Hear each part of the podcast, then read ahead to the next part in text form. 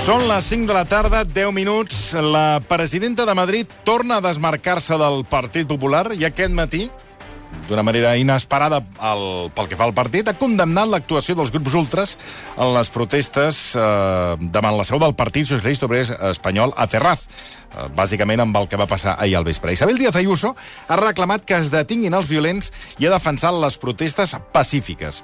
I després, acte seguit, al migdia, allò que se'n diu, eh, que se'n diu en la Fórmula 1 a rebuf, Alberto Núñez Fijo també s'ha afegit a la condemna, però, evidentment, a la seva marea. Li ha etzibat al Partit Socialista que si poden amnistiar la violència, no poden donar lliçons. Les protestes contra l'amnistia repetiran avui, mentre Brussel·les continuen aquestes negociacions entre PSOE i Junts, tot i que uns i altres van dient, sobretot Junts, que no hi ha pressa. Doncs eh, jo diria que no s'hi va la badar. Ernesto Icaizer, molt bona tarda, eh, periodista, escriptor, benvingut. Bona tarda, Toni. Com Bona tarda. Bona tarda. Com estan els ànims a, a Madrid? Vamos a Perquè, escuchar al Duce. sí, eh, podem escoltar... Eh, vostè ens ha demanat recuperar que sí que va ser el, exacte, és una bona definició, qui va reclamar la mobilització per tierra, mar i aire. Estem parlant de José María Aznar. Hay que decir de nuevo, basta ya.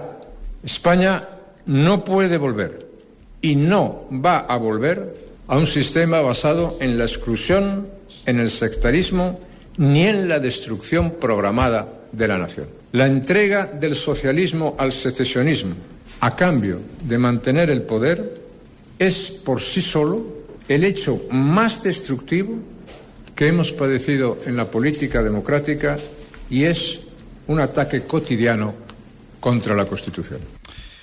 Ernesto, la crida de José María Aznar ha funcionat? Està funcionant? ¿Está funcionando?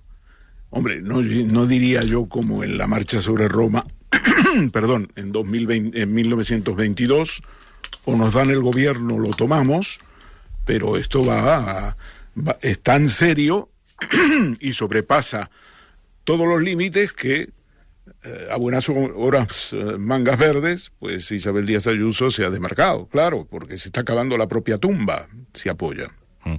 Uh, per, per què avui s'ha desmarcat Is Isabel Díaz Ayuso quan, fins a dia d'avui, Ernesto, uh, bueno, fins i tot Feijó anava dient, i el, els, els diferents veus del partit, fins i tot no condemnaven aquests actes de, de violència. Per què avui Isabel Díaz Ayuso ha canviat el discurs? por Miguel Ángel Rodríguez. Mar. Miguel Ángel Rodríguez. Un ex Portaveu del govern. Por comunista que cree que Isabel Díaz Ayuso es un diamante en bruto. Y entonces esta táctica maquiavélica se ha desmarcado porque ha dicho hoy por ti, mañana por mí, me puede tocar a mí y, y si yo justifico esto, ¿cómo condeno luego? Es decir, es el cinismo más puro, el cinismo más puro, igual que, que, que, Feijó, ¿no? Es decir, eh, yo podía haber conseguido con Carlas Puigdemont lo mismo. Carlas Puigdemont es una persona leal, no te engaña. Eso es el PP.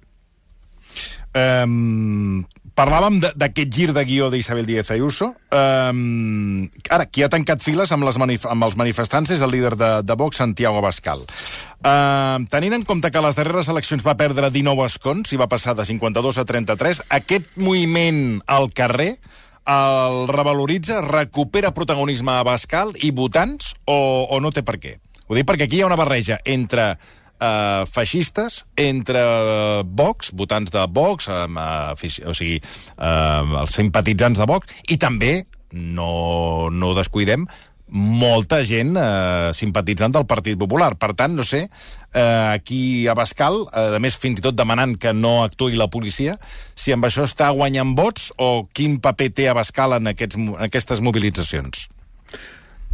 Creo que él consolida, digamos, a la falange, a su falange, que es Vox, eh, eh, y le da una, una proyección de acción. Y eso siempre, siempre sirve en los movimientos parafascistas o posfascistas o como quiera uno llamarlos.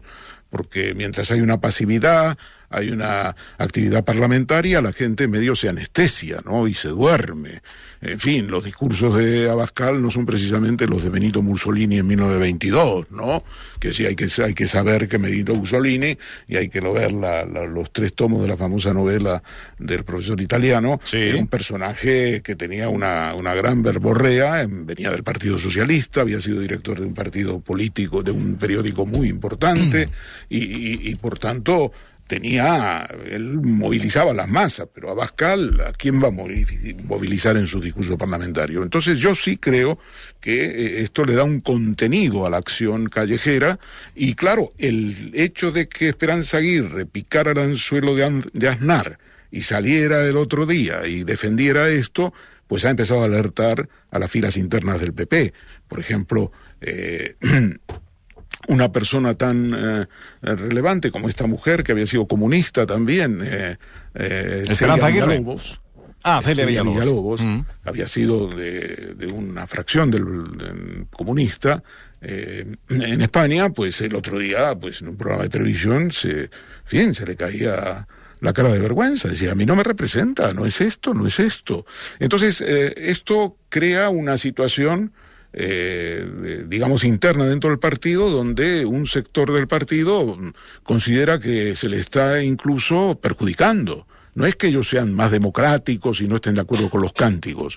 Lo que pasa es que les salpica y como siempre están agitando contra la izquierda, contra los escraches, contra las movilizaciones, contra Pablo Iglesias, y eso es permanente, dicen, hombre, a ver, estamos eh, atacando a, la izquierda por rodear el Congreso y ahora resulta que mandamos la gente al Congreso. ¿Cómo es esto? No se come. Y entonces han salido tarde, porque primero alentaron y sobre segundo, el Duce fue quien lanzó esa proclama que usted acaba de poner. Es el punto de partida. Ahí se disciplinan luego Feijo y todos los demás. Y Feijo además ha salido de una manera vergonzante, porque ha venido a criticar y poner al mismo nivel a, los que se manifiestan y los que hacen eh, gamberradas en la, eh, frente a la sede del PSOE con el propio Pedro Sánchez. Eh, visto que se ha pronunciado de esa manera que tiene Feijo, ¿no? Sí, bueno, primer no ho ha condemnat, després eh, diu que la culpa és de Pedro Sánchez. Eh, avui, per cert, hi ha noves convocatòries a partir de les 7 de la tarda, altre cop eh, amb Ferraz com a principal objectiu. La pregunta, una altra pregunta eh, que aquest matí eh, es parlava aquí a rac que, que jo li trasllado, és si les protestes aquestes juguen a favor o en contra de la posició de Pedro Sánchez. Vostè què creu? Yo creo que les beneficia, creo que le beneficia. A Pedro Sánchez. Sí, le beneficia al Pedro Sánchez ¿Por y sobre todo al Partido Socialista porque consolida al Partido Socialista, muestra el carácter fascistoide a lo que se está informa- eh, eh, enfrentando una eh, un digamos un planteamiento democrático como es la amnistía, aunque no todos la compartan, pero eh, la van a blindar finalmente y eso es bueno. Eh, la táctica de Ba- Bascal y la táctica de Feijó eh, y la táctica de Esperanza Aguirre y, empezando por el Duce, pues eh, eso, eso, eso cierra filas al Partido Socialista. Esto no lo puede ni siquiera defender, eh, eh, digamos, eh, defectores, por así decirlo así, como Felipe González o el propio Alfonso Guerra. No han dicho nada y seguro que si usted les ponga la, la cachofa en algún sitio dirán es obvio, como decía Feijó cuando le preguntaron sobre la ley de sobre la violencia de género. Dijo, hombre, es obvio, es obvio que estoy en contra. Li, li preguntava eh, sobre, sobre els resultats de, del que està passant eh, al carrer, de quin benefici, si és que en treu un benefici o no, eh, Pedro Sánchez, i també parlant del Duce, Ernesto, eh, ell va demanar la mobilització de tothom, de, de, de tots els estaments, i també han arribat aquestes mobilitzacions amb la reacció del Consell General del Poder Judicial, amb l'activació de tot un seguit de causes.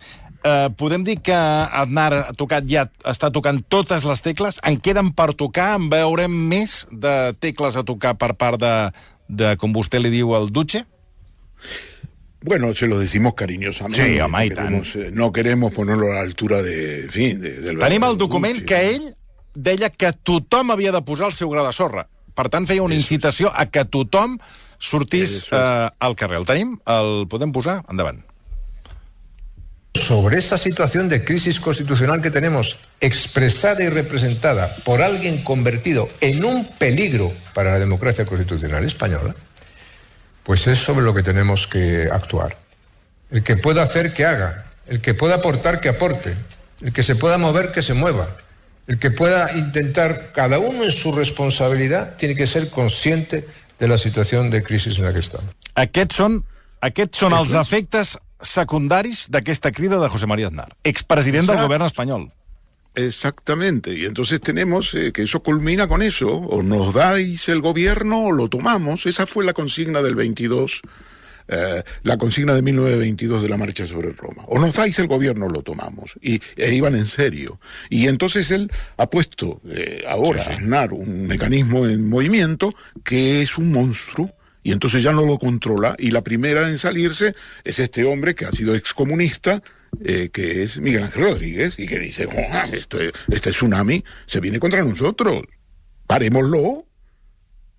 Mirad a la loca esta que sale a la calle, la expresidenta de la Comunidad de Madrid, pero cruzándose, hombre, esta, pero si esta tía se manifestaba, se, se, se, escapó de la policía en una carrera tipo Hollywood cuando aparcó en la Gran Vía a sacar eh, dinero de un cajero, la persiguió la Guardia Civil, los motoristas y se fue a su castillo, a su, a su mm, eh, semicastillo que tiene ahí en Malasaña.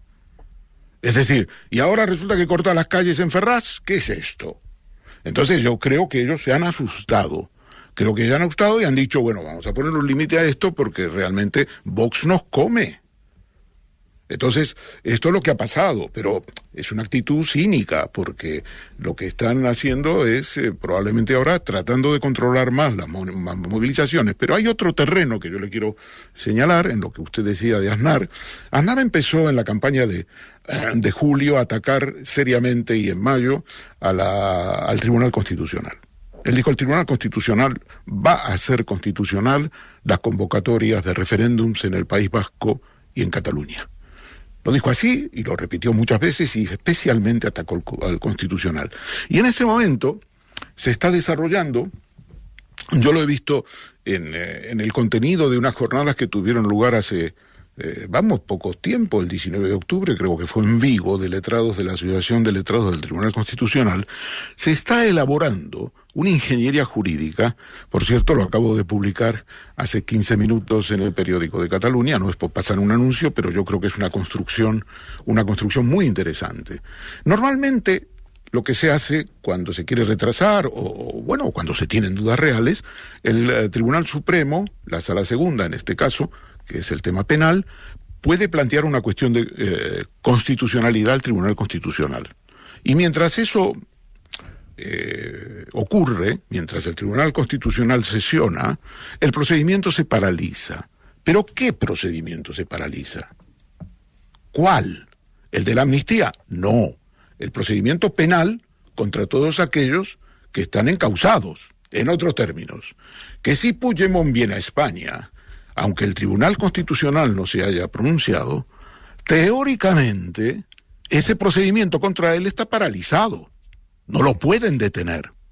Otra cosa es que no le concedan la amnistía, porque el Tribunal Supremo, la Sala Segunda, porque Marchena o, o el señor Llarena, que es el instructor, ha planteado una cuestión de constitucionalidad. Entonces el procedimiento se paraliza, no el procedimiento de amnistía, que es una ley, ley publicada en el BOE, sino el procedimiento penal contra él. Es decir, no le concede la amnistía, pero no pueden ir contra él porque eso está amnistiado. Entonces, ¿cómo podemos configurar lo que se abre una vez que la amnistía está en el BOE? Como ve yo, un, va, doy por hecho que va a haber amnistía, doy por hecho que va a haber gobierno y por lo tanto antes investidura y tal. Pero planteémonos el ejemplo. Entonces viene Carles Puigdemont, o qualsevol otro... Fa gràcia, perdoni Ernesto, que vostè ho diu com aquell, com, com aquell carrer. Habrà amnistia, habrà gobierno, vull dir, sí. vull dir, habrà investidura, el veig des de fa molt de temps molt segur. Sí, sí. Y entonces, eh, supongamos que se cumpla lo que estamos hablando, entonces viene Carles Puigdemont y dice, o desde Waterloo, da igual, uh -huh. puede esperar, lógico, tendrá todas las, eh, abierto un campo de alternativas, dirá, bueno, señores del Tribunal Supremo, resulta que tengo estas causas, eh, que son estas y estas, y por favor me las archivan, porque hay una ley de amnistía. Y entonces tengo que pedir formalmente que me, la, me las archivéis eh, tal. Entonces ahí, ¿qué va a contestar? No lo sabemos. Suponemos que evidentemente tiene que ser conforme a la ley de amnistía, pero tampoco sabemos cuándo, qué tiempo se toman porque pueden presentar la cuestión de inconstitucionalidad y eso puede tardar meses y por lo tanto no se aplica. Y estamos ahí en una situación compleja. Mientras Puigdemont dice, bueno, voy a arriesgar porque yo de esto no confío y tal. Puede ser, o puede venirse y plantarse en, eh, en Girona o donde sea y eh, esperar la situación jurídica concretada desde aquí. Pero hay otra manera y esa es la que se está estudiando y la que yo hoy destapo. A ver. En el congreso que hubo de letrados en Vigo el 19 de octubre, creo que fue, eh, de la Asociación de Letrados del Tribunal Constitucional, una catedrática, la señora Biglino, catedrática de Derecho Constitucional de Valladolid, dijo que hay una fórmula que eh, se podría perfectamente mm, utilizar. Y es que en la medida en que se puede invocar que la amnistía va contra los artículos 2 y 19 del Tratado de la Unión Europea, utilizar los ejemplos de Hungría y de Polonia para decir que la amnistía es inaplicable inaplicable. Palabra que parece que no existe en el diccionario, pero le digo que existe, porque yo la he buscado. inaplicable. Eh, es inaplicable porque está en contra de los cimientos de la Unión Europea y si, me, y si seguimos al ritmo también de las Naciones Unidas, por los convenios que ha firmado España con Naciones Unidas sobre el tema de terrorismo. Y fíjese por dónde, fíjese por dónde, en la declaración que hizo el eh, Consejo General del Poder Judicial agónico, eh, que lleva ya 10 años de mandato, cuando eh, lleva 10 años de ejercicio de su mandato, cuando su mandato eran 5, es decir, los que incumplen, los primeros que incumplen el Tribunal Constitucional, denuncian la inconstitucionalidad de la ley de amnistía. Pero ¿qué dicen en la letra pequeña? Que la ley de amnistía futura, que no conocen, que nadie conoce, violaría los artículos 2 y 19 del Tratado de la Unión Europea, del TUC, del TUP.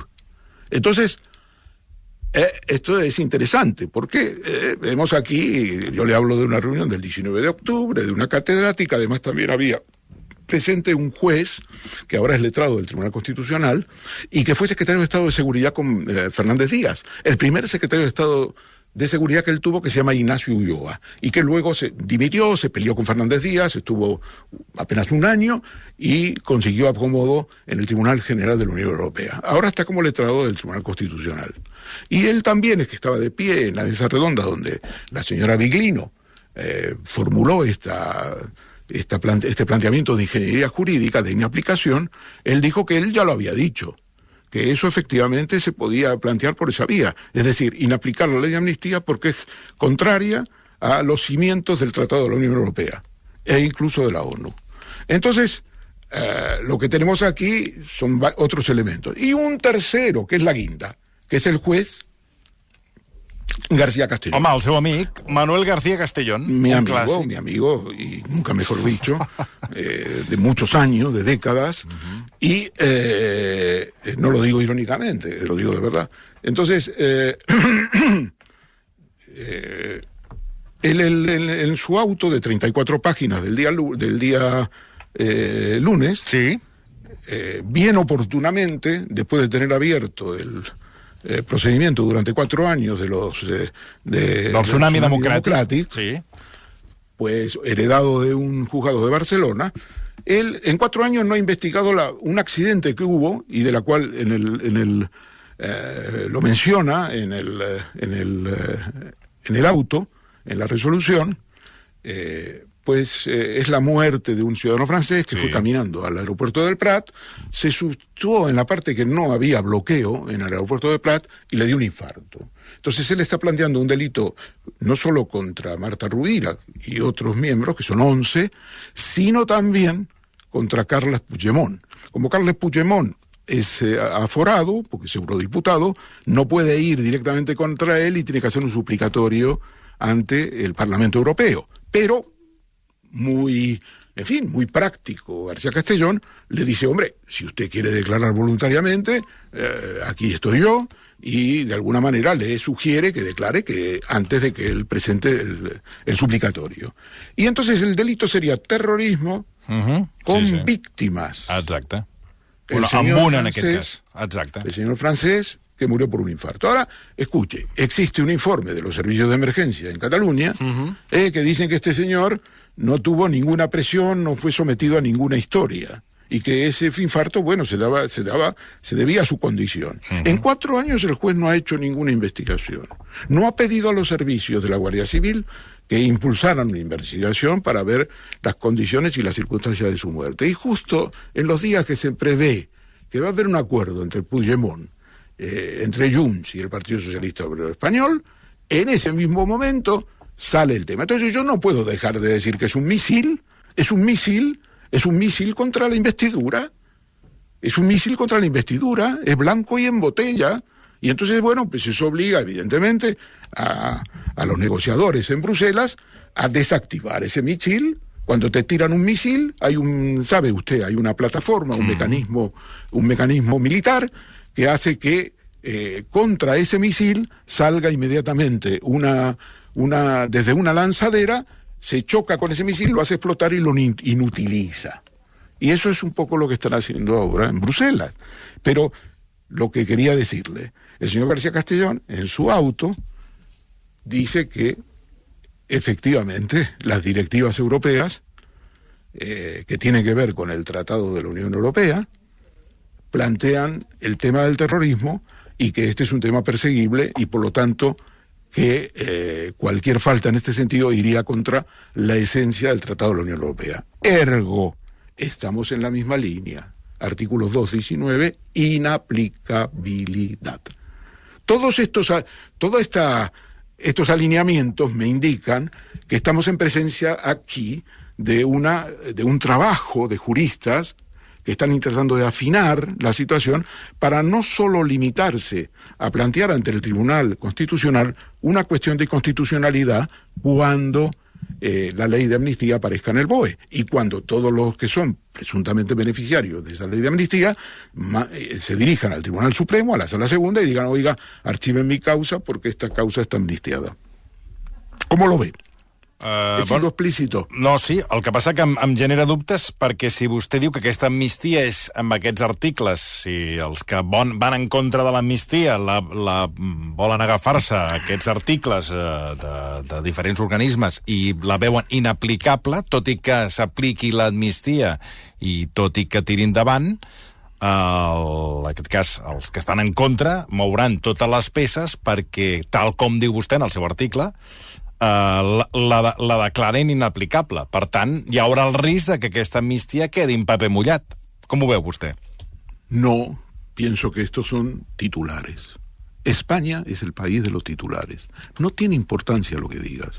Hay una jueza en Plaza de Castilla de lo civil que está citando a la presidenta del, mm, de las Cortes, a la señora Francina, Sí, y a los Armengol. grupos parlamentarios en relación a una denuncia que hay sobre la amnistía que no existe. Esto ocurre en la España de hoy. Y por lo tanto, todo esto son grandes titulares. Y no importa que sea una barbaridad, porque el- al día siguiente será una barbaridad todavía mayor. Y al día siguiente será todavía más superlativa. No tiene importancia. Estas son las maniobras. Estamos en el campo de maniobras. Uh, no deixem de parlar del seu amic García Castellón perquè l'Audiència Nacional obligarà el magistrat a citar l'exsecretari general del Partit Popular, Maria Dolores de Cospedal, en una peça vinculada al cas Kitchen. Uh, en to, uh, clar, el jutge està, està obligat a citar-la a declarar, però mm, a imputar-la o, o, o, o no, o com a testimoni, això ja va, diguéssim, a, a l'elecció del jutge, no? I si tampoc té massa interès... No, le- la orden es, el auto dice que tiene que llamarla a declarar como testigo por si ella pudiera conocer algunos elementos de la historia. Esto tiene que ver con una trama que no es exactamente Kitchen, que está relacionada, pero que es eh, del, de, la, de la gran macrocausa Tandem y que tiene que ver con una denuncia de eh, Javier Gómez de Liaño, no sé si se acuerda usted del juez. Sí. Javier Gómez de Liaño fue expulsado de la carrera, Sí, luego. Euro- Europa anuló la sentencia eh, por eh, defectos en, eh, y falta de imparcialidad del tribunal y se dedica al ejercicio de la abogacía privada y fue abogado de Bárcenas durante muchos años. Los años prácticamente que Bárcenas disputaba la situación con Dolores de Cospedal y con Mariano Rajoy, y donde le pedían, por favor, que fuese fuerte. ¿Se acuerda de él? Sí. Sé fuerte, Luis. Eh, pues eh, eh, Liaño ha denunciado que María Dolores de Cospedal, con la cual él estaba eh, tenía relaciones y mantenía contactos indirectos, pues evidentemente ha presionado para eh, a Bárcenas para eh, toda una serie de cuestiones que, una serie de presiones que luego derivaron en la operación Kitchen, porque cuando Bárcenas no se rindió a lo que le pedían, no se avino, como tenía muchísima pasta y quería además protegerla, eh, evidentemente tenían pruebas contra Rajoy, contra la propia Cos- Cospedal y contra otros dirigentes del PP, y además en ese momento ya el PP estaba en el gobierno. Por lo tanto, era una situación crítica. Entonces, le cita la sala de lo penal en calidad de testigo por si ella puede tener información en relación a eso. Eh, hombre, eh, es lícito pensar de que no va a pasar nada, pero porque García Castellón está eh, absolutamente emperrado, es una palabra que me parece muy adecuada, en que Cospedal no se sentará en el batillo porque ahí no está el PP. Ahí está eh, Fernández Díaz, ahí está Francisco Martínez, ahí está la cúpula eh, policial, pero no está formalmente el PP, tampoco está Considó. ¿eh? ¿Cómo se puede concebir, Tony? Yo le digo, si, si usted pelea 50 policías en una operación que dura 3, 4 años para robarle el material a Bárcenas a los efectos de que no te perjudique, ¿cómo es posible que el director de la policía, que es una persona del PP, ¿eh? Del partido, que ha sido portavoz en el Senado, no esté imputado? Es posible que 50 policías, su número 2, su número 3, su número 4, estén todos imputados, menos él. Su número 1, su, número 2, su número 3, su número 4, varios comisarios y luego 50 policías que se dedican a hacer una operación y se convierten en una policía del PP y resulta que el director general de la policía, el señor Cosidó, no sabe nada. ¿Y sabe lo que le dijo García Castellón a los fiscales Miguel Serrano y a César de Rivas cuando se lo pidieron? Hombre, llámele usted como testigo, pida que le llame como testigo. Per cert, ara, que, par- ara que parlava del, del Jorge Fernández Díaz, no sé si està- s'està estovant, però l'exministre de l'Interior assegura que el Partit Popular també és responsable de l'operació que hauria orquestrat el seu ministeri per robar a Bárcenas tota la informació compromesa relacionada amb la Caixa B. És a dir, és la primera vegada, Ernesto, que Fernández Díaz va contra la cúpula del PP, que aleshores dirigien, recordem-ho, Mariano Rajoy i de Cospedal. No sé si això ho podem atribuir a un canvi d'estratègia de l'exministre. No le diría exactamente, aunque puedo, puedo equivocar, no le diría exactamente que es la primera vez, porque ella cuando se hizo el auto de mm, el auto de procesamiento, él dijo cómo es posible que no esté el PP aquí, porque si esto beneficiaba al PP, es evidente que el PP tendría que estar, como diciendo que Dolores Caspedal tenía que estar dentro y no fuera, como det- determinó el juez García Castellón. Y eh, tenía absolutamente razón. Ahora lo que dice no es que esté el PP, sino que el PP esté a título lucrativo. Es decir, que como es beneficiario teóricamente de lo que se lo robó a Bárcenas, porque el juez dice que se lo robó. ¿eh? Ojo. El juez dice no fue que una operación para recuperar, es una operación para recuperar que según el juez en el auto tuvo resultados positivos, es decir, consiguieron controlar lo que buscaban. Entonces él dice, hombre, si eso beneficiaba al PP, pues el PP tendría que estar aquí eh, como beneficiario a título lucrativo, porque él consiguió lo que quería.